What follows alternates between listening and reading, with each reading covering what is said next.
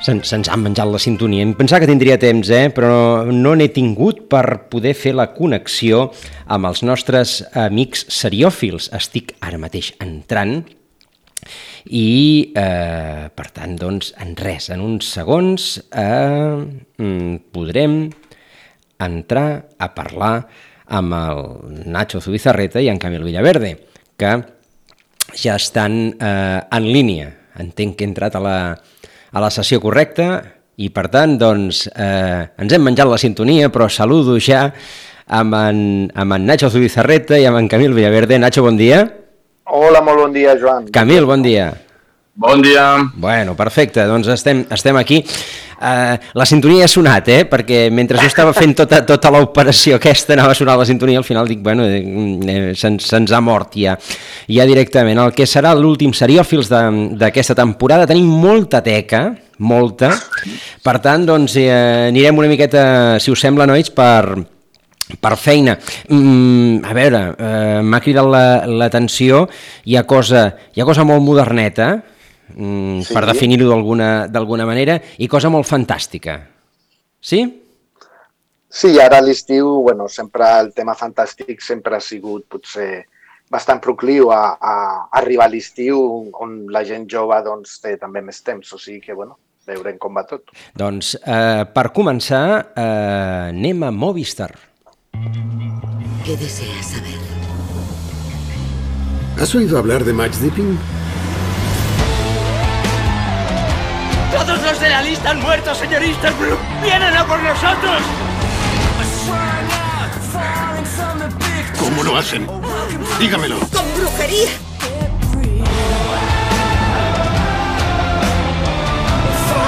Significa que vienen. ¿Quiénes? Las brujas.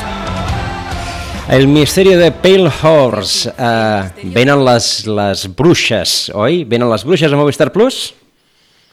Bé, sí. les bruixes a Movistar Plus, sí. És una adaptació d'una novel·la d'Agatha Christie.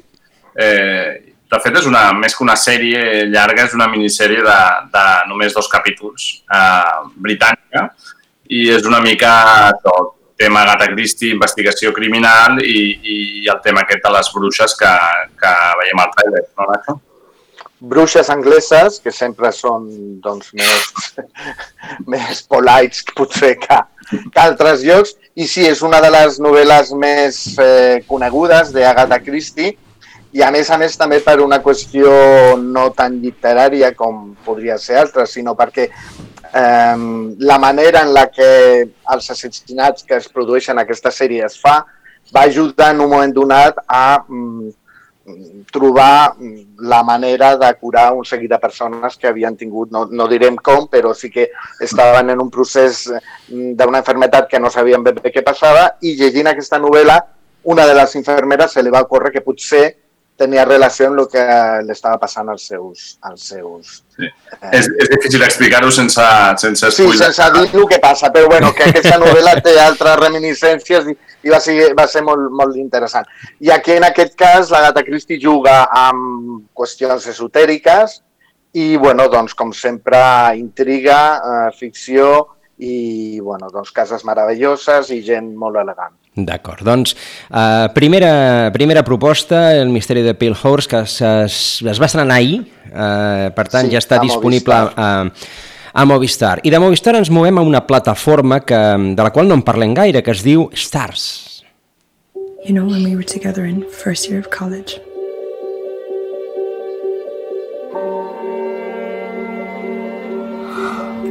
That was kind of a perfect time in my life, to be honest.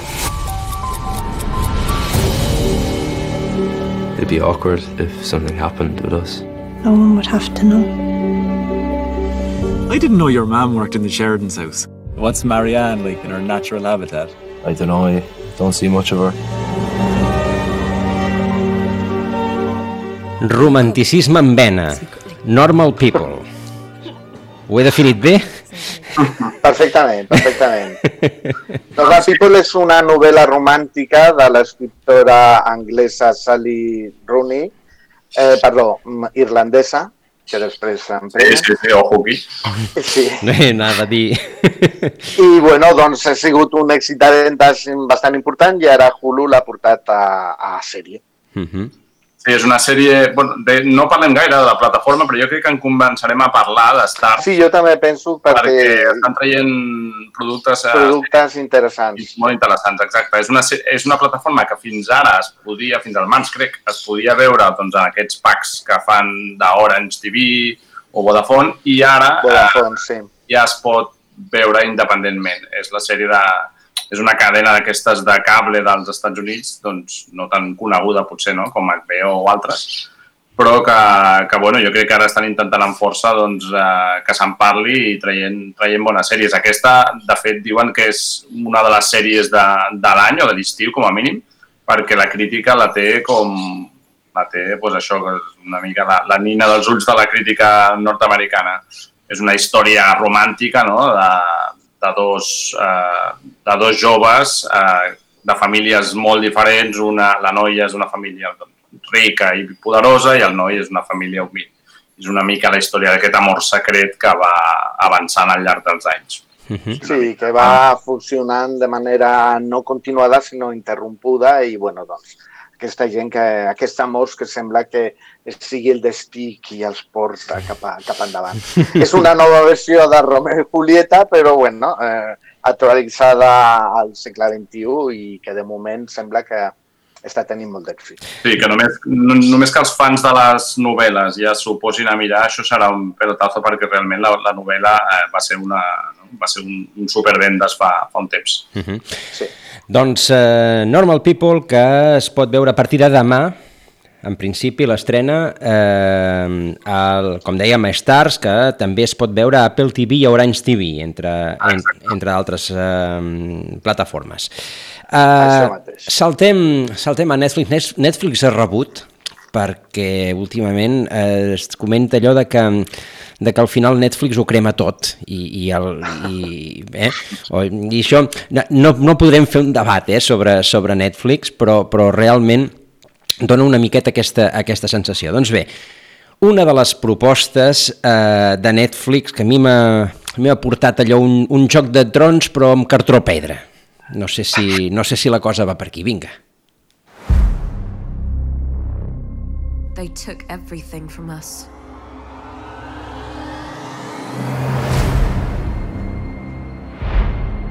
Because magic runs through us. Our mission is the extinction of magic. This is war. And in war, there can be no mercy. We can end them. Maldita. Uh, L'univers artúric arriba a Netflix.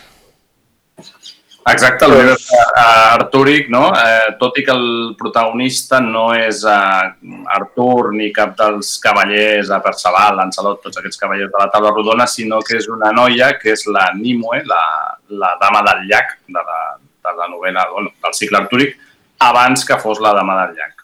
No? I una mica la, la Tot protagonista. és abans de que arribés en el moment important que tothom coneixem. Preqüeles. Ella és jove i encara no és la dama del llac. Està l'Artur, que encara no ha arribat a ser ningú, que encara que és un noi jove. Vull dir, és portar una mica eh, tot aquest univers de la, de, d'Artur i el- Lancelot i tot això a tots a un públic potser més jove amb tot el que comportava de, de, bueno, d'edat mitjana, eh, bruixeria, lluites eh, i espectacle a dojo. Sí, i una noia, una noia com a protagonista. Es- Està basada en una novel·la gràfica de, de Frank Miller, Frank Miller. exacte, i la sèrie de 10 capítols és això, doncs buscar donar-li una nova, no? un nou enfoc a una història que pràcticament tots coneixem i portar-la això a un públic més jove i, i amb aquesta moda no? de, la, de les sèries fantàstiques d'espasa, bruixeria, màgia, doncs eh, és el moment ara de- d'estrenar-la, a veure això que deies, amb el que crema Netflix les coses, a veure quan, quan Sí, dura. amb la quantitat de coses que, que estrena Netflix no dona temps a arrelar moltes de les sèries. Però bueno, a veure si aquesta sí funciona. Doncs de, de Netflix, maldita, que s'estrena aquest cap de, de setmana, eh, passem a una de les estrenes, també de primera temporada. Avui anem tot d'estrenes, eh? Uh, d'HBO. How are the huevos rancheros? I don't love you anymore. We've hung out together for half a decade. Anything else in my life that completely revolves around you? That's my sweatshirt, but I don't need Forget it now. I lost myself in this relationship, and now things are getting weird, weird, weird. What, you never seen an old cat lady before? If you're here, it means you need some help getting back. Back to spending time with other women. Women need each other now more than ever. Turn your back on them, Ja poden imaginar-se, això va de comèdia, eh, i de comèdia, és de, de la part moderneta, eh, aquesta, Dollface, Sí. estrena HBO. Cara, cara sí, de sí, nina. és una comèdia, és una comèdia romàntica amb tocs de, potser de, no sé, d'anar d'olla o de, de situació fantàstica, on eh, es tracta o s'analitza una mica doncs, una noia que ha, vingut, ha viscut eh, subjugada o absolutament dedicada a la seva parella i en un moment donat el seu nuvi la deixa i ella té que reprendre la seva vida, les seves amistats i reconformar una mica tota la seva història. Sí, és una mica no, el tema aquest de la sororitat entre les dones, no, de, que, de que torna a recuperar les amigues que va deixar de, de costat fa uns anys i bueno, que com, com això li, li costarà. A, a mi m'ha recordat una mica, no sé si us re- recordeu de Lick McBeal, saps aquells moments sí. eh, Sí, fantàstics. que ella també com tenia sí, coses que pensava i tal, sí. Exacte, s'imaginava coses, és una mica no, aquest, aquest eh, rotllo. De fet, ella veu no, una conductora d'un autobús amb una cara de gat, és una cosa una, Sí. mica, una mica fric. Surrealista. Però, sí, és una comèdia eh, que bueno, ha estat ben rebuda als Estats Units i es va estrenar fa uns mesos a Hulu, eh, com també abans parlàvem de, de Normal People. Hulu, que és aquesta plataforma, diguéssim, Disney, però la part com més seriosa i més Més adulta, adulta, sí. que aquí encara no, no ha arribat i per això arriba a través d'altres plataformes com HBO o Stars Play o la que sigui. Uh -huh. I diem que està, però és una sèrie produïda per la, la Margot Robbie que, que no para, a part d'actuar, doncs es dedica a produir pel·lícules, sèries i tot el que pot. Ella en un principi no surt a la sèrie, de fet està protagonitzada per aquella actriu que feia una sèrie que va tenir bastant èxit, que es deia Dos xiques sin blanca. Sí. Era la noia, no la rosa, sinó la morena, que no recordo el seu nom, La Cat, però... Cat Dennings, Dennings es diu, Cat Dennings. Ah, Cat Dennis, és veritat. Doncs, bueno, doncs ella és la protagonista.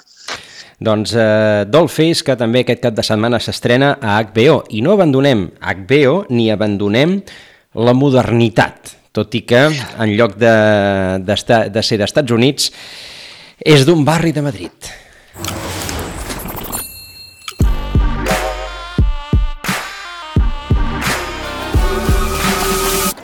Tía, ¿tú crees que hemos cambiado? Yo creo que no. Vamos desde arriba, quiere el Le tiene mucho cariño a la bata. Es que me encanta su bata, me gustaría comprársela. ¿Me estás tomando el pelo? Estamos locos, papi, papi, papi chulo. ¿Sabes lo complicado que es encontrar habitación aquí? Arriba otra vez. Lo siento, pero es que no encajas en el perfil que estamos buscando. Hola. Ay, hola. He sentido tu presencia y abierto. Anda, pasa. Aquest que ha sentit la presència estava en pilotes. El, el, barri, el barri és Malassanya, val? i la sèrie es diu Por H o Por B. Home, el títol està molt bé buscat, eh, tot entenent que la sèrie s'estrena a HBO, no? O sigui que han fet un joc de paraules que s'hi ve molt bé. Sí, és la, és la quarta producció, de fet, de HBO Espanya eh, i és un, amb un to bastant diferent de les altres produccions, no? que potser són més, més intenses o més dramàtiques i aquesta és una comèdia no? de, de dues amigues, eh, el que, no? dues noies d'extra ràdio, el que es ve a dir xonis, no? eh, eh, de parla, no? que se suposa que és eh, pues això, Sí. Sí, el tipus de dona eh, pandillera i amb xanda i tot aquest tipus de, ah, exacte. de, de dona de, de l'extraradi I que, que arriben al barri de moda de Madrid on, on tot és super guai, tot és super hipster i tot és super trendy, no? I a vegades elles es tenen que moure en aquest nou univers per elles, no?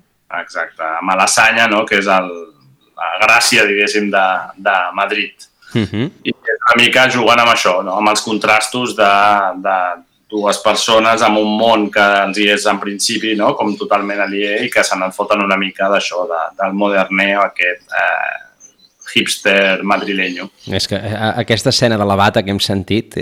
Sí. és que és això, oi? Bueno.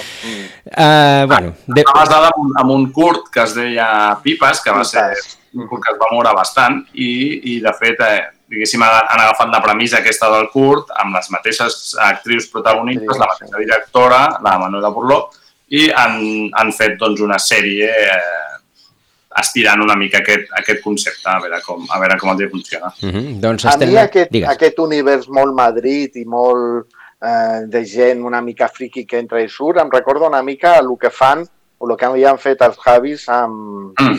Amb Paquita Salas. Uh -huh. I a més, hi ha molts dels sectors que... Sí, que, que, que, és el, que és Paquita llavors, surt, és el potser, que pilotes, no? potser aquesta és una mica bueno. més passada de voltes, més comèdia, i l'altra, doncs, bueno, també era comèdia, però no tant però em recorda una mica aquest tipus de sèrie. Ara us faré una pregunta impertinent. Això es tira una miqueta al, a l'univers Almodóvar? Hi ha el xiclet sí. de l'Almodóvar.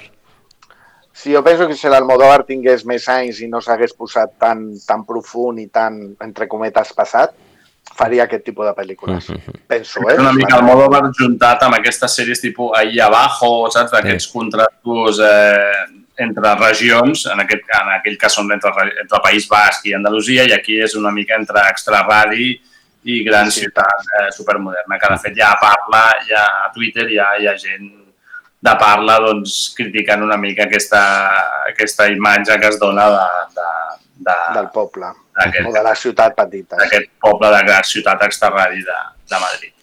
Doncs s'estrena la, la setmana que ve eh, a HBO, eh, aquest Porache o por bé. I la darrera de les estrenes que ens eh, proposeu eh, aquesta setmana, mm, de fet ja és pel darrer dia del mes, és una estrena pel 31 de, de juliol, tornem a Netflix, és una segona temporada mm, d'una qüestió també molt fantàstica.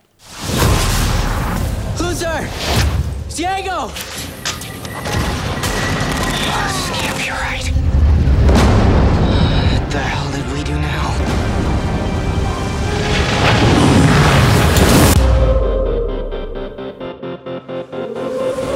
was that? The end of the world, November 25th, 1963.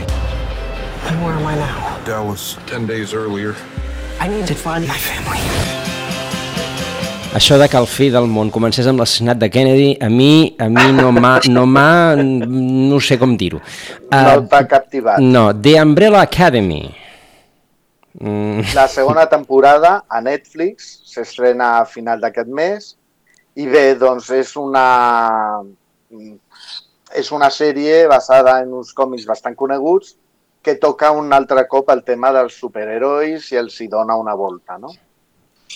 Sí, però donar volta als superherois, ja no sé quantes voltes. Sí, sí, sí estaran ben barejats. Barejats al tema superheroi, però bueno.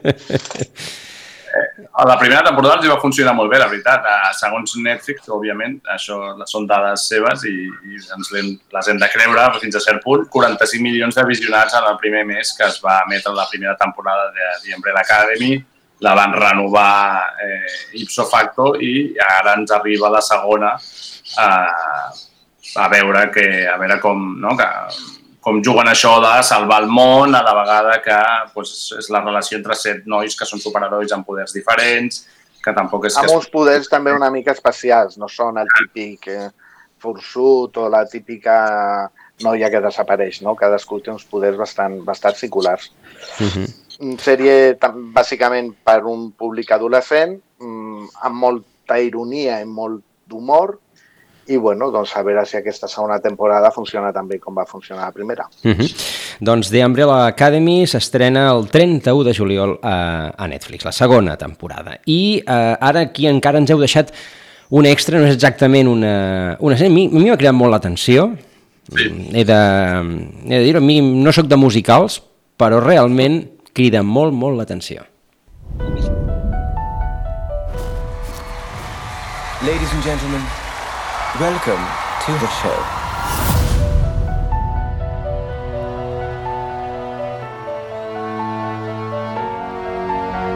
The ten dollar founding father without a father. Got a lot farther by working a lot. Harder by being a lot. Smarter by being a self-starter. Starter to your union. And the hope that you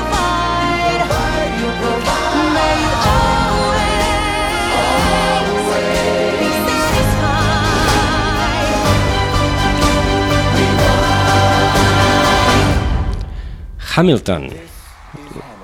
Hamilton. No, no és ben bé una sèrie, però sí que el comentem perquè ha estat una mica com el hype d'aquests darrers dies a, a les xarxes, a la seva estrena, perquè és el, potser el musical més important eh, estrenat als Estats Units en els darrers anys.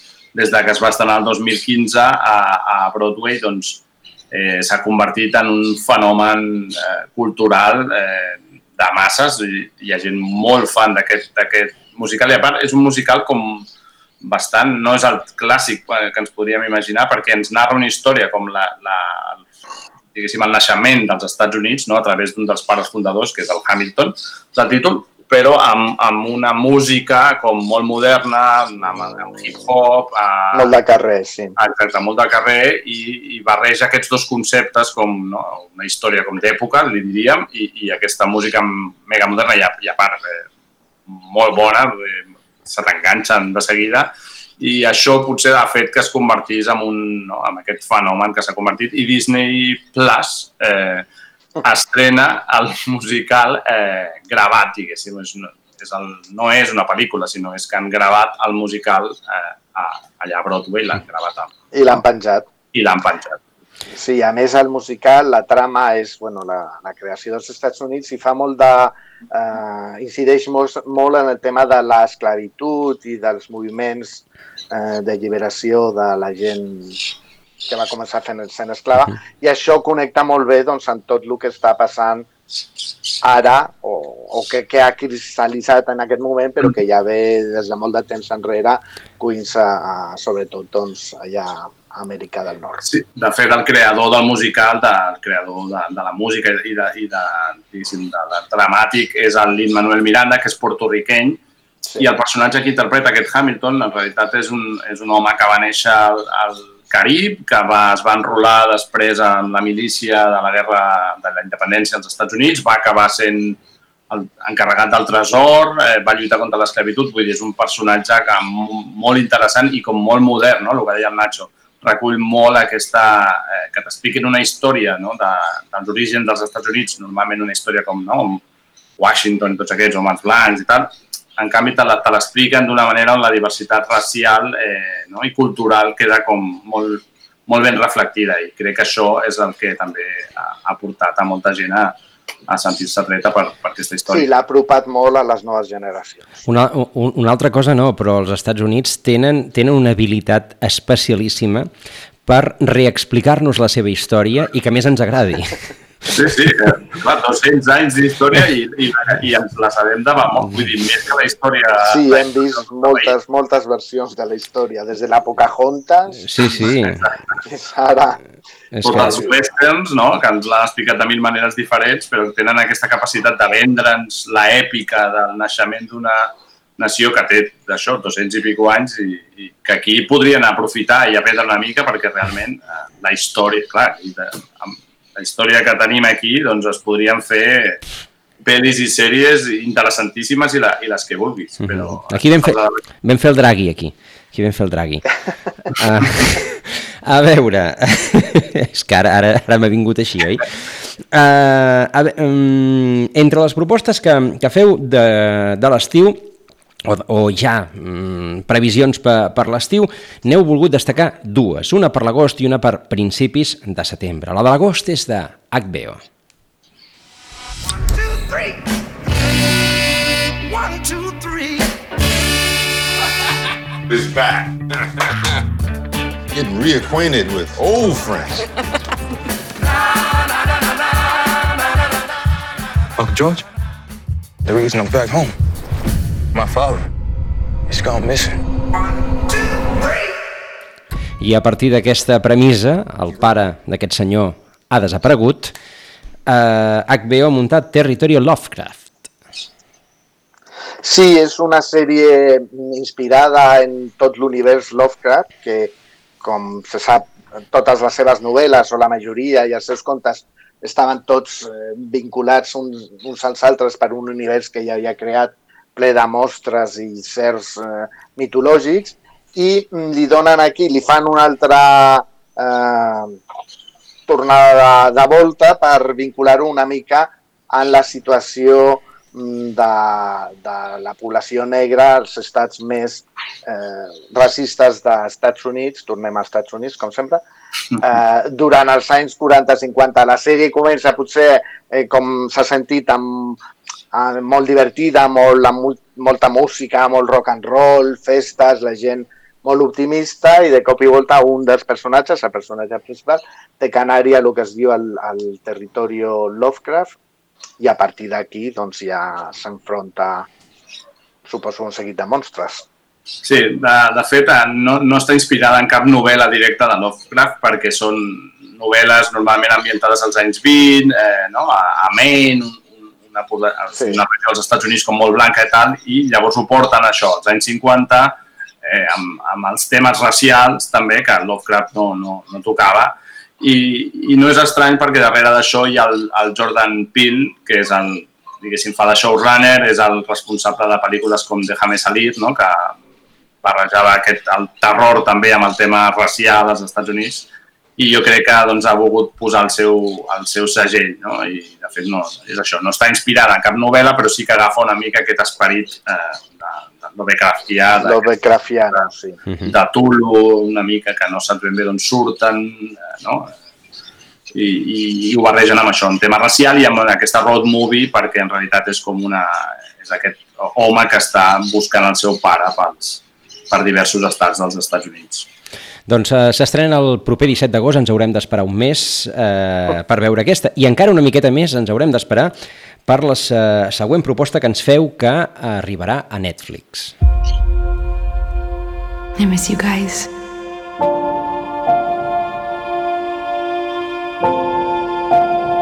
I love you so much.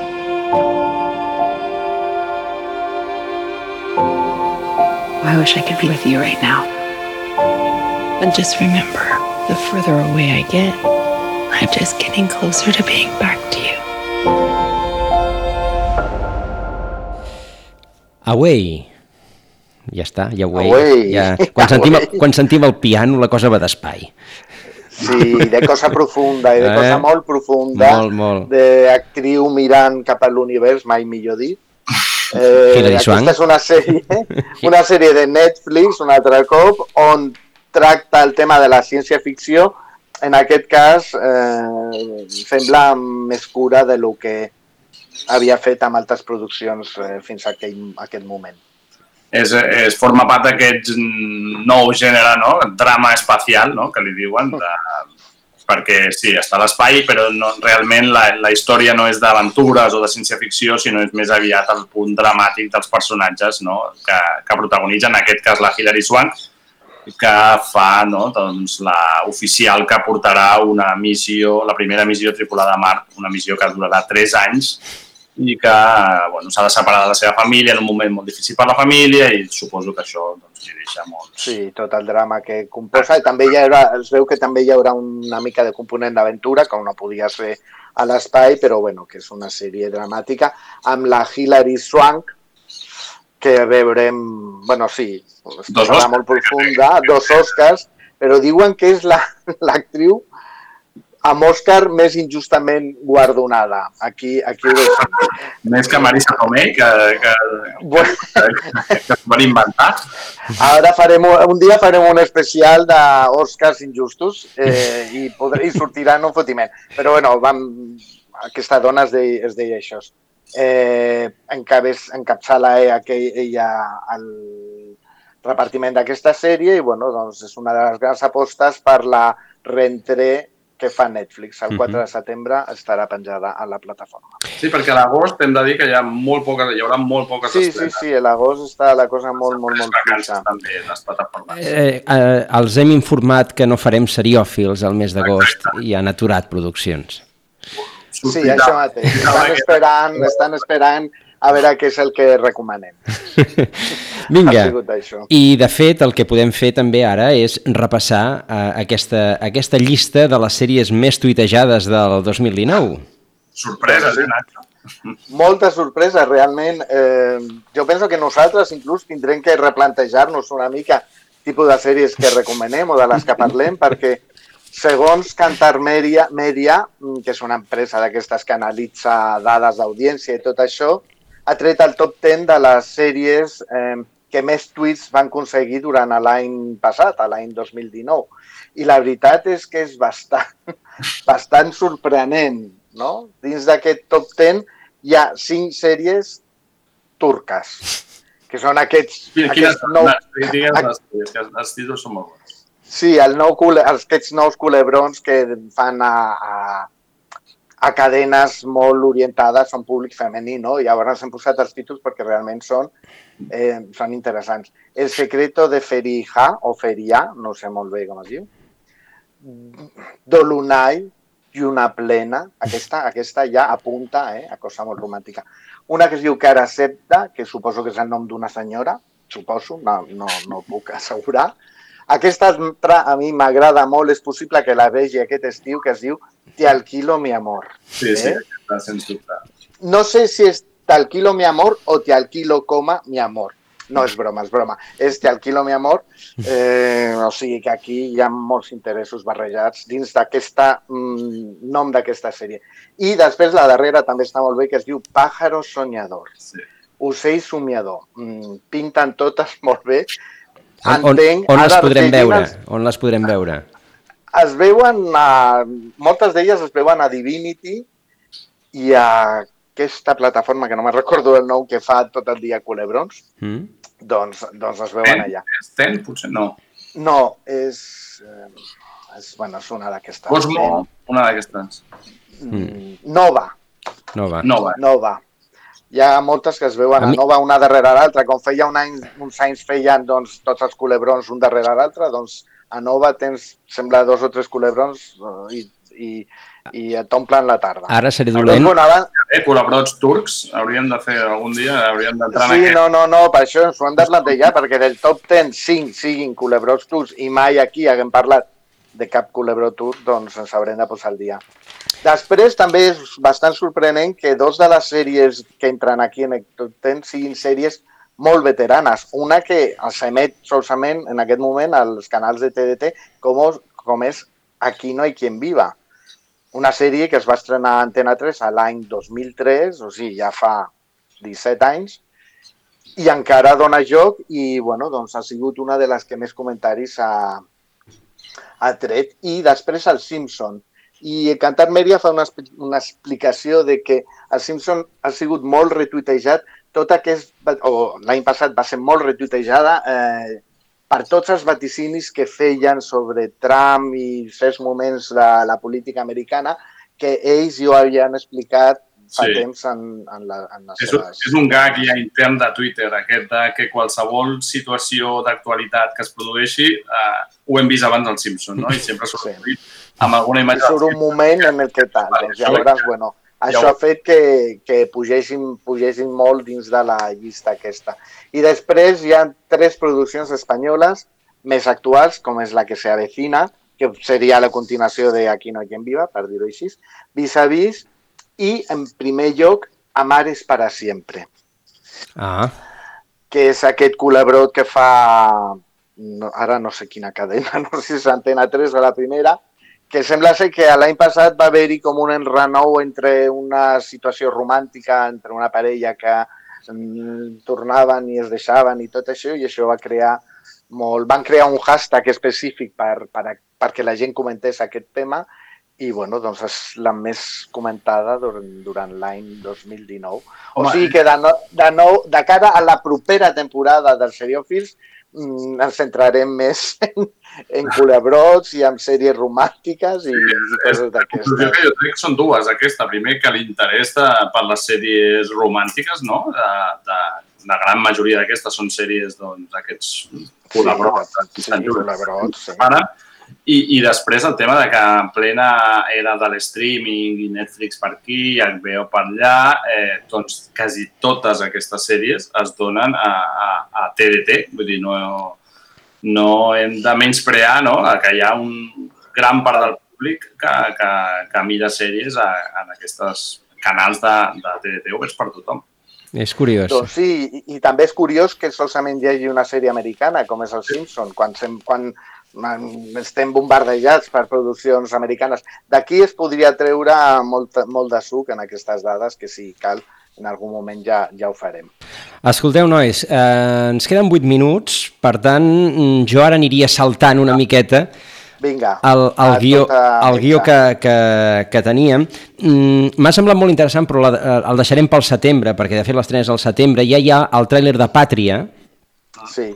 El tràiler, a més, és bo, és... Eh, Sí, no, no, és és, és, és punyent. i, a veure, les, les plataformes a l'estiu ve- ho veuen una mica així com temps de relax i ja comencen a, a posar-nos eh, les dents llargues amb, amb les estrenes i una d'elles és Pàtria. És, és, és, és Pàtria. Doncs eh, com tindrem temps de parlar, perquè l'aposta de Pàtria eh, s'estrenarà el 27 de setembre, i per tant doncs, el setembre en el seriòfil serà probablement una de les, eh, de les novetats, si no la poden, la poden consultar. L'anunci de la segona de Mandalorian, sí, aquesta a mi sí, m'agrada, sí, oi? Eh, doncs eh, que també vindrà a Amb un l'octubre. Yoda, un Yoda més adolescent i sembla ser que bastant divertit. Mm. Uh, Suposem que és ell el que interpreta Mandalorian, perquè no el veiem. no el veiem mai. No. Bueno, clar, no es pot treure la màscara, pobre home. No es... Podria ser qualsevol, però... Sí, és veritat. No, però ha de ser gros, eh? Escolta'm. Anava a dir... Ha de tenir, ha de tenir perxa. Uh, si us sembla, tornem aquí a deixar sobre la taula la senyora Mrs. Amèrica. L'altra vegada no ens va entrar i aquesta vegada ens podia entrar, però, però és que... No, home, no. Deixem-la. Parlarem de la sèrie de la que tothom en parlava. Doncs, De... sí, perquè... Farem un nou... Una, un nou... I, I anem directament a tres recomanacions, a veure si ens entren les tres, que, que ens feu per passar un estiu diferent. La primera, a HBO. Uh, què és, què és ¿Por qué matan las mujeres? Perdona'm, Jordi, és que clar, si no aviso... The meatloaf's delicious. Penny for your thoughts. I was wondering when you'll die. You could be hit by a bus, or have a stroke, or get stabbed in the chest.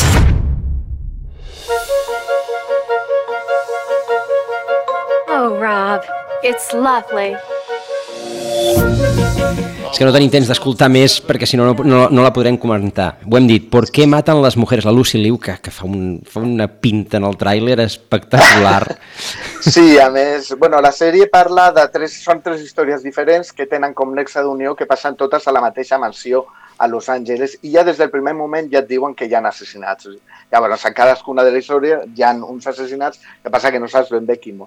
Eh, són tres històries romàntiques, eh, és una comèdia molt... on la dona té un punt protagonista molt important, diguéssim, és la seva vida familiar des del punt de vista de, de la dona en tres moments diferents. Als anys 50, als anys 80, que és quan surt la Lucy Liu amb uns pentinats i uns vestits propis de l'època molt divertits, i després a, en aquest moment, a l'any 2019. Llavors és una sèrie visualment molt cuidada, juga molt amb les diferents estètiques de, de tots aquests tres moments, té punts de comèdia, també té punts d'amor, de, de sentiments, i és una sèrie bastant entretinguda que de moment no, no s'ha no parlat gaire, i a més a més, estranyament HBO l'ha penjada tota sencera, no ha fet com fa sempre que va penjant capítol per capítol darrere cada setmana, sinó que la penjada tota sencera i és bastant, bastant disfrutable i és bastant divertida. I és, del creador, de fet, de Mujeres Desesperades, i jo crec que té una mica no? aquest to Sí, de, de, sí. que barreja bastant intriga, eh, comèdia, eh, no? Sí, escriu, escriu papers fem... eh, bueno, els papers femenins, evidentment, són les més eh, cuidats en aquest sentit i són... està bastant bé. La veritat és que per passar una bona estona és una bona opció. Vinga, en 3 minuts en comentarem dos més. La primera, Glow. In this world, there are good guys and there are bad guys. And I will not be bullied into submission.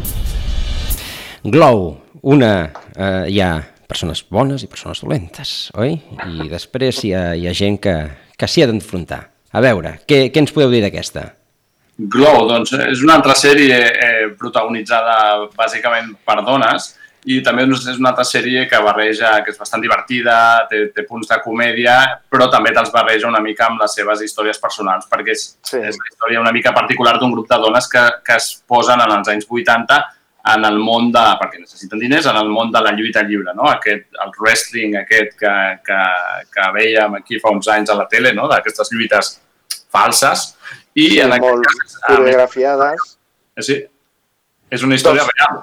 Sí, és una història real de, bueno, veient que el món del wrestling masculí tenia èxit, doncs els hi va ocórrer agafar dones eh, que a més podien lluir cos, per dir-ho així, i mm, fer-les lluitar, que bueno, doncs eh, és, els va sortir bastant bé. Llavors és un grup de dones que les agafen de diferents tipus de universos i les barregen per fer aquest show. I és una mica això.